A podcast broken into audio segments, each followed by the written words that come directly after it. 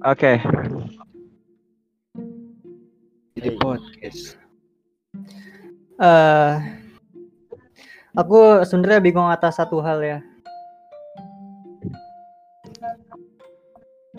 Jadi tuh kita faktanya sekarang kita mengadakan demonstrasi di tengah-tengah pandemi.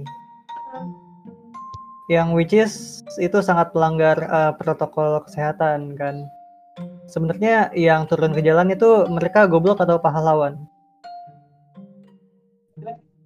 Siapa nih? Ya udah siapa aja yang mau berkomentar. Tadi lu bilang demo ngelanggar protokol kesehatan kan ya? Ya gitu. Lah, habis rapat DPR aja kemarin yang yang positif tuh banyak. Pimpinan DPR-nya ada 18 orang ya. Ininya ya. Apa namanya anggota Oh. DPR-nya pada kena. Iya, kalau mau nyalahin mahasiswa demo melanggar protokol kesehatan ya aparat juga sama. Mereka juga ngelanggar gitu. Iya sih. Benar-benar. Dan dan kalau gak turun juga ini dampaknya bisa tahunan bahkan bisa sampai puluhan tahun. Jadi Hmm, mending sekarang kita turun atau kita menderita bertahun-tahun. Cuman emang masyarakat di sekarang tuh kayak dilema banget sih. Jadi emang apa namanya praktek kayak gini tuh praktek apa namanya pemerintah memanfaatkan krisis untuk menyelipkan kebijakan yang tidak menguntungkan rakyat itu kayak udah terjadi di berbagai macam negara bahkan negara maju gitu kan. Itu istilahnya tuh eh, apa ya? Aku lupa istilahnya. Apa apa apa. ntar aku ini dulu baca dulu dikit nih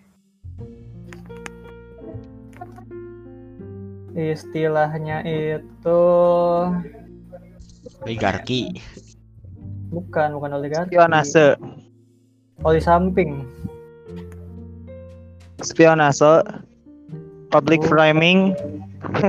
Apa coba? Sok papai. nah nih kultur kapitalism wah gila keren banget istilahnya Oh. kultur kapitalism pakai V V for Vendetta. Kultur kapitalism.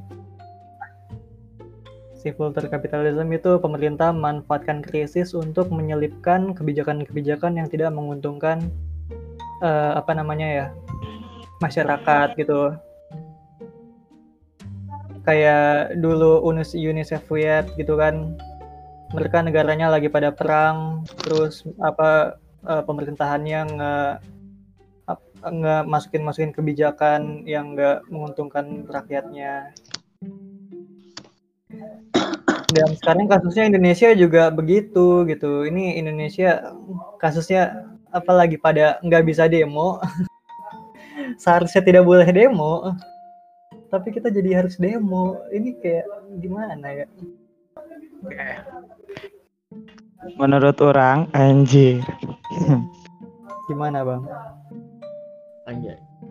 Orang-orang yang turun ke lapangan itu tetap menjadi orang yang eh pahlawan lah bisa dikatakan.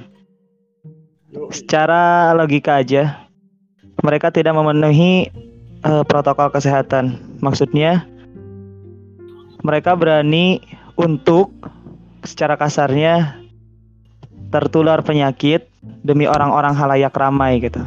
Memang terdengar bodoh, cuman kalau tidak ada yang seperti itu, tidak ada orang bodoh tanda kutip seperti itu, nekat, naif seperti itu, ya nggak bakal ada satu SK turun tentang mereka menolak, tentang mereka juga tidak suka gitu. Intinya tetap pahlawan karena mereka berani ngambil resiko itu gitu. Dan yang tadi dibilang mungkin apa sih namanya tuh peraturan ini dibuat atau disahkannya di kejadian yang seperti ini emang awalnya tuh biar yang demo tuh pada takut tapi ternyata enggak kan.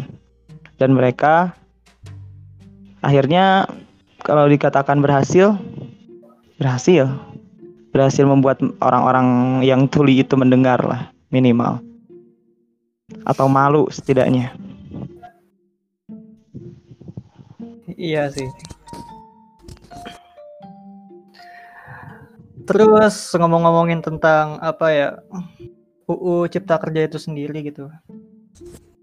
eh aku yakin yang banyak turun ke lapangan tuh pada mungkin belum pernah baca si naskah aslinya gitu. Terus pertanyaannya apakah salah nggak sih kita turun ke jalan tanpa tanpa ngebaca naskah aslinya? Eh, menurut saya kalau misalnya turun ke jalan tanpa tahu sama sekali itu yang salah. Misalnya nih eh orang nih lagi jalan-jalan. Nah nah nah nah nah. Terus ada yang lagi demo. Ah ikut ah gitu. Nggak tahu masalahnya apa. Nggak tahu eh, iya gitu langsung ikut aja. Nah itu salah. Gabut Tapi- iya. Ya orang Indonesia banget.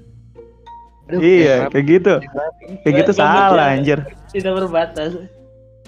Soalnya Ah, yang ah. jadi ya apa eh, dari segi pemerintah kan mereka bilangnya kalian tuh demo cuman gara-gara kemakan hoax media doang. Sebenarnya tuh ya pemerintah apa eh, si UU Cipta Kerja ini ya suatu hal yang baik gitu buat masyarakat. Kalian cuman Hmm. tergiring op- opini media doang.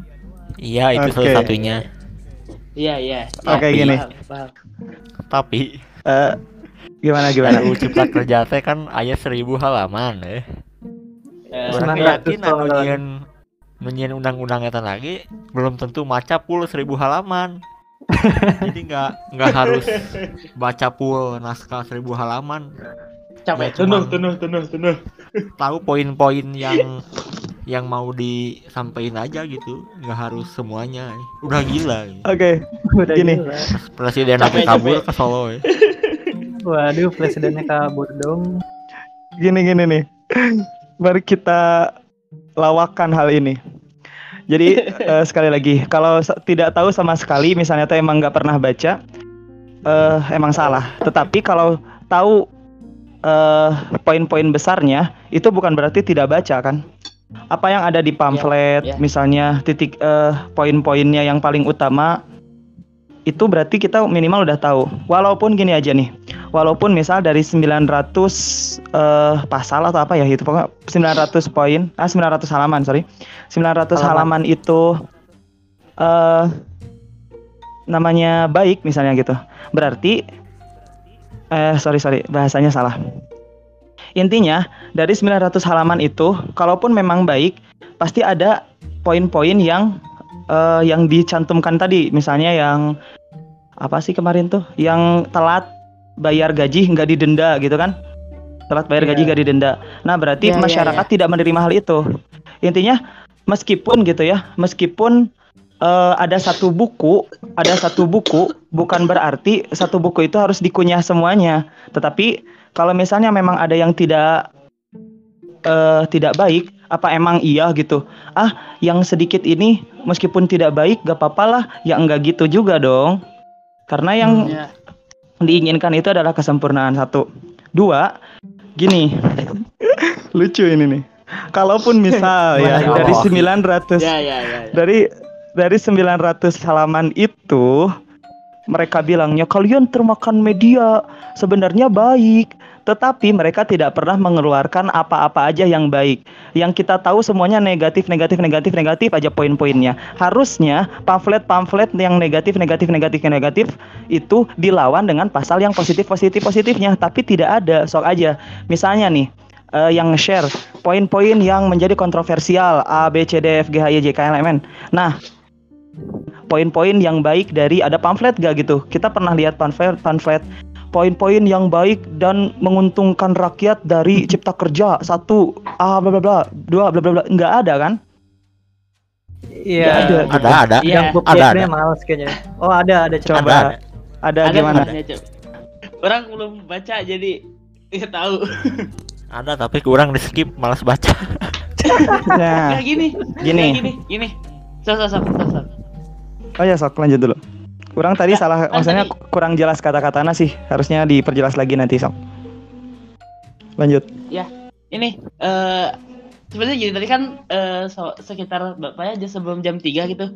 Kan ada nih di iNews itu ada laporan eh, yang demo demonstran di Jakarta ya. Ada yang di eh, pat- apa, patung kuda terus tugu tani dan sebagainya. Terus ada wawancara eksklusifnya sama si ininya sama si eh dari badan legislatif DPR-nya. Tapi lupa dari siapa namanya di iNews. soalnya. Terus di segmen pertama itu ngobrol kan, nah kata si apa report bukan reporter apa sih yang pembawa acara di acara beta tersebut kan nanya-nanya kenapa tiba eh, mahasiswa dan buruh melakukan demo ya jawabannya sama karena kan eh, mereka termakan termakan hoax media dan sebagainya dan disebutnya Ya. justru malah jadi ini jadi bukan jadi pengesahan tapi isu pengesahan. Kan jadi yang lucunya teh isu pengesahan. Kan kemarin baru disahkan kok jadi isu tuh gitu. Terus eh yang Ya Regi. dan yang tam ya ya Iya. yang yang jadi yang lebih bi- membingungkan lagi kan kata si pembawa acaranya tuh gini eh kami masih tersambung sama eh, beli bapak siapa lupa lagi setelah jeda ini kami akan melanjutkan wawancara. Nah gitu kan. Kan iklan nih. Kan kan pengen tahu ya kayak gimana pendapatnya. Ditunggu sampai beres iklan. Pas beres iklan masuk lagi sampai akhir berita itu nggak nggak ada lagi wawancaranya. Itu ke mana si bapaknya? Jadi pertanyaannya itu. Cuma segmen satu aja ini si bapak ke mana Mules itu gue sih itu. Mules gue. ente nganter Jokowi itu Aduh, Pak Presiden lagi kena dong. Di record loh ini. Waduh, enggak kita kita nggak pakai nama asli di sini tenang saja. Jangan di Kurang pakai nama asli, woi. Enggak, aku cuma upload ininya doang, Bang. Aku cuma upload audionya doang. Nama Oke, asliku gua ada bakal sih sebutin nama gua. Ntar gue sebutin nama gue Ihsan. nama gue Go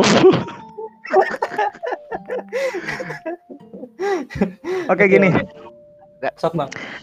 intinya kalau intinya gini ya kalaupun misalnya memang cipta kerja baik bukan berarti eh, semuanya bisa diterima. Dan ada beberapa hal yang ternyata menurut petani itu sendiri tidak baik. Kalau misalnya menurut petani itu tidak baik walaupun cuman kecil misalnya tuh sedikit apa berarti kita tidak boleh untuk eh, berbicara kepada mereka bahwa ini tuh gak baik gitu. Iya yang lain baik lah gitu gak apa-apa. Tapi yang ini mah tolong enggak dong gitu. Masa nggak boleh gitu? Yaitu satu. Dan dua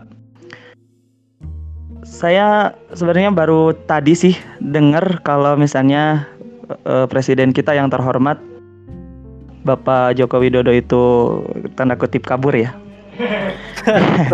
Iya iya. Iya, ah, nggak kabur. Ada tugas yang lain yang lebih mendesak Kunjungan kerja daripada ya kunjungan kerja yang lebih Kunjungan penting kerja, daripada mengurusi rakyat yang kecewa. ya, kunjungan kerja yang begitu penting sekali gitu. Ya, gitu Pak. Maaf ya Pak. Tapi yang menjadi masalah, kenapa sih setiap hal-hal yang menjadikan kita eh, kecewa gitu?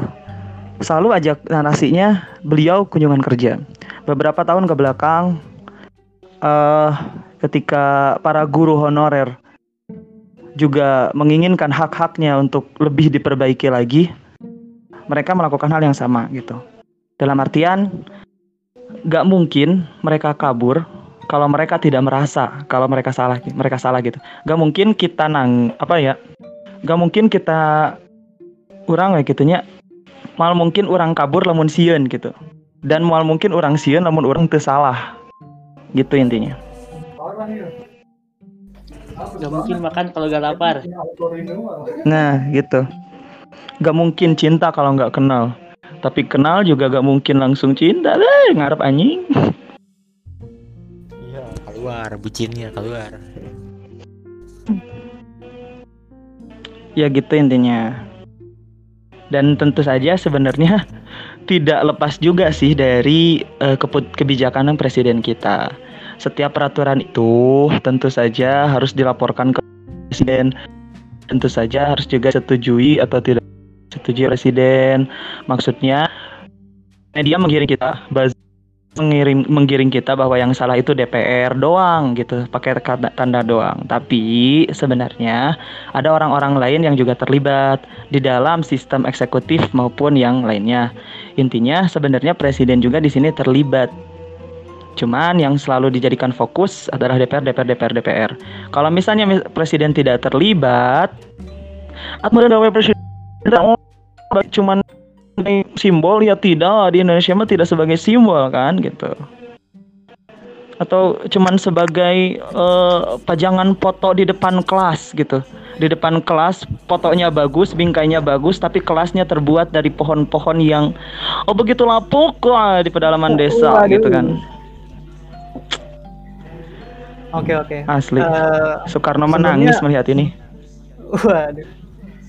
Sebelumnya aku mau nanya dulu tentang PKN Basic ini mungkin banyak yang belum ngerti juga. Sebenarnya tuh hubungan presiden dan hubungan presiden dan DPR tuh gimana sih? Maksudnya presiden mengadi meng- DPR dibawahi oleh presiden atau mereka bekerja sama gitu? Boleh jawab?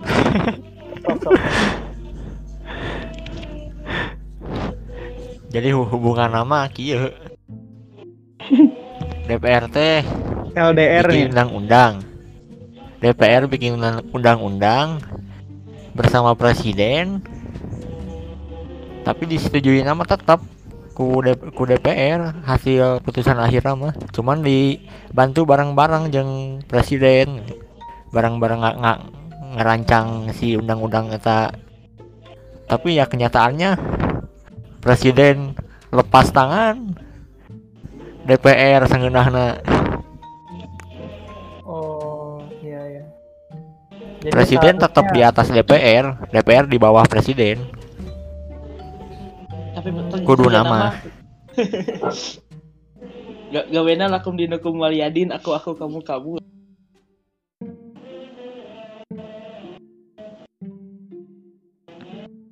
Oke, oke.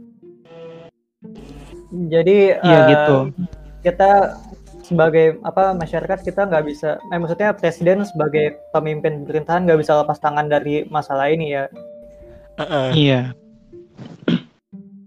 Oke, berarti Apa? ada kaum kaum 02 bisa bersenang hati dengan atas atas pernyataan ini. saya golput pak Waduh, golput dong. nggak gitu juga sebenarnya. Eh tapi saya jaga di TPS saya golput tidak berarti 02 juga tidak salah. Soalnya gimana ya? Yoi. tidak berat ada, ada maksudnya tidak bisa tidak bisa dilimpahkan kepada para pendukung 01 gitu. Walaupun dikira cheating dan, dan itu tidak terbukti kan. Itu bercanda bercanda bercanda. Maaf pak. Nah maksud saya yaitu waktu lalu biarlah berlalu. Karena maksudnya orang-orang tuh pasti termakan oleh eh, apa sih namanya tuh? Apa sih kalau misalnya kita pencitraan. Termakan oleh pencitraan saat itu. Karena tentunya masyarakat tidak semuanya menjadi cenayang yang bisa mem di cenayang gitu secara tiba-tiba ya Indonesia akan makmur guys gitu. nah, dan untuk sekarang tidak ada lagi sebenarnya 01 dan 02 karena lihat yang 02 juga udah jadi menteri dong, udah aman, udah enak. Iya kan. Yang Waduh. sekarang menjadi yang sekarang jadi permasalahan adalah bukan masa lalu, tapi yang ke depannya. Kita bisa melihat dengan kontras siapa yang eh, minimal mencitrakan sekarang gitu? Pro rakyat dan siapa yang enggak? Siapa yang berbohong dan siapa yang bisa jujur? Karena saya mengatakan bahwa mereka benar-benar baik juga tidak bisa. Karena namanya politik tidak lepas dari oposisi dan koalisi. Bisa aja sekarang mereka mendukung nanti mereka tidak mendukung dan begitu sebaliknya intinya dunia yang politik itu kan memang mempengaruhi dan kalau misalnya tidak mempengaruhi ya berarti bukan politik kalian terpengaruh atau tidak yang jelas harus lebih sering baca, harus lebih sering apa sih namanya tuh aktif dalam dunia perpolitikan minimal dari segi literasi dan kreasi. Anjir bahasa aing. Inti nama tong tolol. Frontal sekali. Wow. Ini aku nemuin suatu pendapat di Quora, website Quora. Jadi kalau kata ini namanya ini Evan Swinata. Kalau kata dia tuh sebenarnya SpongeBob jangan bernafas di leherku. siapa? Eh itu yang napas dikondisikan dulu. Katanya kata si Evan Swinata ini sebenarnya tuh masyarakat tuh nggak terlalu dirugikan rugikan amat gitu oleh si UU Cipta Kerja ini karena kan dia kan menguntungkan investor kan. Kalau banyak menguntungkan investor artinya lebih banyak bisnis yang nggak tercipta di Indonesia gitu. Kalau lebih banyak bisnis yang tercipta maka akan lebih banyak lapangan pekerjaan. Toh nanti balik-baliknya kan ke masyarakat lagi yang untung kalau banyak lapangan pekerjaan. Kalau menurut kalian gimana nih? Udah baca beritanya Sat? Gimana berita yang mana? 35 investor internasional memberikan surat terbuka kepada Jokowi terkait RU Cipta Kerja. Isinya gimana tuh? Investor isinya mah kurang lebih keberatan sama sama undang-undang itu dari mulai Oh. isu lingkungan sama regulasi yang yang gimana ya? Seakan-akan di dipercepat aja gitu lah. Tergesa-gesa pembuatannya. Jadi bahkan investor si, aja pada gitu. Bahkan si investornya sendiri nggak mendukung. Si apa? Iya. Kebijakan yang diniatkan untuk menguntungkan mereka. Tadi kalau Mio gimana Mio? Eh, kan itu katanya menguntungkan investor kan ya. Tapi coba deh kalau kita ngelihat sekarang em, pasti para investor juga membutuhkan tenaga kerja yang berskill gitu kan, yang memiliki kemampuan. Sementara kalau keadaannya kayak gini, buruh tertekan, apa segala macam, mereka nggak apa ya, mereka tuh nggak punya ruang untuk mengembangkan dirinya kalau menurut aku mah ke depannya kita bisa-bisa ngambil tenaga asing lagi. Maksudnya tenaga asing lagi untuk kerja. Jadi duitnya itu bukan dilempar ke dalam negeri tapi ke luar negeri lagi gitu. Kemungkinan besar besar yang akan terjadi bisa seperti itu. Yap. Kenapa Jadi- harus memakmurkan negara orang tapi negara sendiri tuh kurang? Lihat yang Luar sekarang biasa. aja deh kenyataannya gitu. Kenyataannya sekarang kayak gimana? Para buruh tuh betapa kurangnya gitu, kurang kemampuan, keterbatasan kemampuan. Terus ketika dibuka lapangan kerja kalah persaingan, kalah persaingan dengan orang-orang asing lagi, dengan orang-orang yang lebih mampu lagi. Padahal yang lebih butuh siapa? Tuh kan. Iya. Teplop dua kali sekali. pokoknya buat Dua kali bukan jadi hilang. Oh iya bener. Jadi dislike ya. Oke, eh, setuju. Apalagi eh, whatever about investor ya, gue nggak terlalu mau ngebahas ke sana. Tapi kita juga biasa, kita juga tahu kan tentang di mana kewajiban TKA untuk memahami budaya Indonesia hilang. Dengan demikian, yang di mana TKA tidak diwajibkan bisa berbahasa Indonesia. Nah, git- intinya gini. Ini pasal berapa sih Banyak Entah. Gimana gimana? kan nama masih ayah dah Ya intinya gini sih sebenarnya. Sebelum misalnya hal itu disahkan pun, kita bisa melihat di daerah-daerah yang sekarang kita sedang ada kereta cepat, kan kebanyakan dari tenaga kerja asing ya. Tahulah dari mana? Dari Hacing Hacong. Nah, nah mereka tuh dekat lah saking dekatnya mereka udah minta restu orang tua gitu. Nah, eh, mereka tuh emang benar-benar gak bisa berbahasa Indonesia.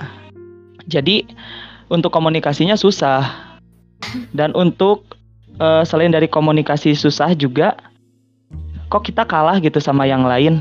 Maksudnya orang kalau misalnya mau kerja di Jepang harus bisa tahu bahasa Jepang dong minimal atau Inggris lah gitu. Tapi kok mereka sama sekali dimudahkannya tuh banget banget banget banget gitu kayak orang yang udah gede dikasih sepeda roda tiga gitu kan. Padahal yang asli itu yang ada badaknya, mama tahu sendiri gitu. Waduh. Dan dan satu lagi nih Iklan yang paling saya sorot. Mana? Sorry. nah, eh dan yang paling mencolok itu tidak ada denda bagi pengusaha yang terlambat membayar upah gitu. Iya. Ya, kelihatan Dihilangkan. banget kalau mereka benar-benar cari aman gitu. Be- kelihatan banget kalau mereka tuh kayak eh gimana ya kalau bayangin gitu, bayangin nih para DPR lagi kumpul nih. Eh coba apa lagi yang mau diusulin? Hmm, aku ada sih eh kebijakan kayaknya ah ini mah kayaknya bodoh deh kalian juga ketawa. Gimana kalau misalnya denda buat yang kita eh, telat bayar dihilangin? Hah? Ide yang bagus. Wok wok wok wok wok. Jadi kayak anjir lah. Ngakak gitu.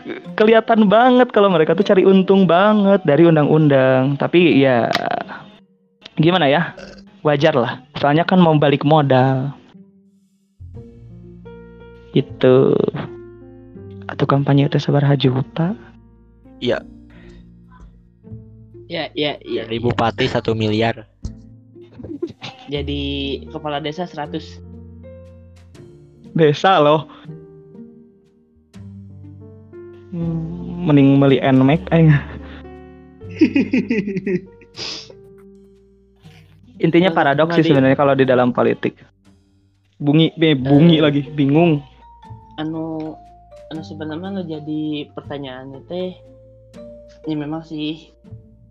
Eh pertama yang yang justru paling disorot teh kia kenapa dilakukannya pada saat eh, pandemi lagi? Pa- panas-panasnya di mana-mana gitu di mana kita kan pandemi yang ada sih ada cuatan dari beberapa artikel juga. Kenapa eh, sidang paripurna ini dipercepat karena eh, DPR-nya mau di lockdown karena ada ada yang terpapar corona. Justru yang jadi pikiran kenapa bukan coronanya dulu diberesin baru diskusi yang sehat gitu. Kenapa harus Karena gitu lama nunggu corona teh. nggak gini. Ya itu dia yang apakah apakah ah nggak tahu gitu pemikirannya kayak gimana gitu ya. Kenapa kenapa? Orang orangnya nyari kesempatan. Itu dia nanti kita demo disangkanya pelanggaran protokol kesehatan lagi Jadi jadi Jokowi kan Eh. bilang mau fokus corona dulu. Tapi Ya, undang-undang dikebut disahkan. Jadi gimana? Sebenarnya emang bingung sih ngelihat pemangku kepen berarti kan emang dari dari tanda-tandanya kayak apa eh si rapatnya itu dipercepat kan padahal aslinya mau dirapatin tanggal 8 kan. Ternyata sebelum itu udah disahin duluan. ya. Itu kayak udah kayak udah sinyal gitu nih ada sesuatu yang disembunyikan ini. Terus kayak di di, di rapatnya bahkan diskusinya nggak ada diskusi gitu langsung main sah sahin sahin aja. Oh, Nah berarti kan memang ada kepenting ini pas rapat rapat si pengesahan RUU Cipta Kerja. Oh, iya iya iya. Oh gitu, emang beneran? Aku kira cuman gosip doang. Beneran itu. Lah, anak ke mana aja, Pak? Maklum, Pak. Aku nolep. Iya. Sama Nah, berarti- nolep semua. Berarti memang ada kepentingan yang ingin di ini kan, yang ingin dipercepat gitu. Yang jadi pertanyaan kan adalah sebenarnya siapa yang ngebayar mereka? Mungkin lebih tepatnya bukan perusahaan apa ya, tapi ikatan perusahaan yang mana? Iya. Ya gimana gimana coba. Karena kalau setahu Ada, Chandra ada. ya, kalau misalkan hanya ada satu perusahaan kenapa? Kalau kita berasumsi ada satu perusahaan nih yang bayar atau misalkan menggaji rasanya kurang ini deh kurang maksimal gitu. Jadi mungkin bisa lebih apa lebih enaknya gitu. Kayak perusahaan yang udah maju udah sukses dia beraliansi dengan perusahaan-perusahaan lain yang sepemahaman dan mereka bikin grup gitu kan soal-soal bikin grup Nah, baru mereka bayar eh, Pak Jokowi. Iya. Jadi intinya eh, para pengusaha-pengusaha investor yang kelas kakap itu mereka punya grup WhatsApp. Terus mereka Ya, bilang, WhatsApp dong. Enggak. eh ini Ya, kita gini. kayaknya, eh sok sok. ya udah, ya udah kalau mau grup WhatsApp, Discord aja deh. Mereka ya. Di ya sok sok. A- Eh, anggota DPR yang periode sekarang tuh 50% lebih itu dari pengusaha. Makanya main setuju-setuju aja. Oh, Karena jadi mereka 50% semua lebih itu. Kebanyakannya pengusaha. Makanya kalau lima kalau 50% lebih berarti eh, bisa dibilang sebagian besar ya. Ya. Kok Iya. bisa banyak lah. setengah lebih. Ya. Ya, ya. Ya itu Yang lebih nanggung setengahnya banget. pengusaha, setengah lagi artis eh. Waduh. Chris Dayanti setuju loh, Bro. Iya. Komisi 8 eh komisi berapa dia? 8 ya? Yang olahraga dan seni itu. Mawang. Mawang. Ya udahlah, intinya saya sih setuju Giring Niji jadi presiden 2024. Iya, aku juga setuju. Iya, iya. Aku juga Yang setuju. itu kan Nanti dia nggak bisa ngelawak saat soalnya kan Ah, giring. Waduh, bukan. Bukan. presidennya Ya, ya. Giring. Kalau kalau Giring Niji jadi presiden, ntar kasihan kita gak bisa poligami. Kan dia Oh. partai Apa? poligami. Oh, Lah, iya. itu mah serius. PSI, PSI. PSI nggak boleh poligami. iya, kan Tapi kalau misalnya dia jadi presiden, takut ih. Soalnya wajahnya gerang. Doang. Aduh, Bang. Enggak, enggak kalau misalkan kalau misalkan Giring jadi eh, presiden kasihan dia nanti susah nyesuaiin jadwal sama ngisi suara pedal pop lagi. Oh iya. Pedal pop udah gak ada. Iya, jadi jadi ya. Kenapa pedal pop udah gak ada? Karena giringnya jadi shadow, shadow. Aduh, bilang, bilang. Apaan kok Shadow? Ya, tahu gak lagu itu? Kalian gak tahu. Sedih. Iya tahu tahu tahu Tahu, tahu, tahu. Shadow, shadow. Kamu aja. Walah. Yang ada kayak dead itu pedal kan. Mana ini? Kayaknya kita Ya udah, kalau gitu kita tutup aja yuk. Muda. Bang Nisan ada kata-kata pemanis nggak Bang buat penutup Bang? Aku ada. Oke, gini. Sebenarnya sederhana. Kalau nggak ada doi di Indonesia, gue mau pindah ke Jepang. Eh, gimana gimana gimana? Nggak itu bercanda garing. Eh, sederhana sih. Seburuk apa pun negara ini, kamu pantas untuk mencintainya. Seburuk apa pun negeri ini, kamu pantas memperbaikinya. Sedikit apa pun aksi kamu, itu hubungan kamu dengan Tuhan, dan Tuhan tidak akan menyia-nyiakannya. Indonesia cinta kamu dan kamu harus cinta Indonesia. Uh, muah. Ya itu dia penutupan yang banget bagus sekali dari Kang Ihsan. Makasih untuk dengerin podcast kali ini.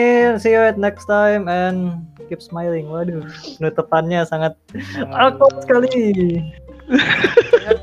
gitu ya. Bang Isan, Bang Isan keluarin kata-kata mutiaranya, Bang. Keluarin, Bang. Nih. Hablum minallah. Hablum minan nas. Oh iya. Hablum minas Hablum minasan. Kalau bilang-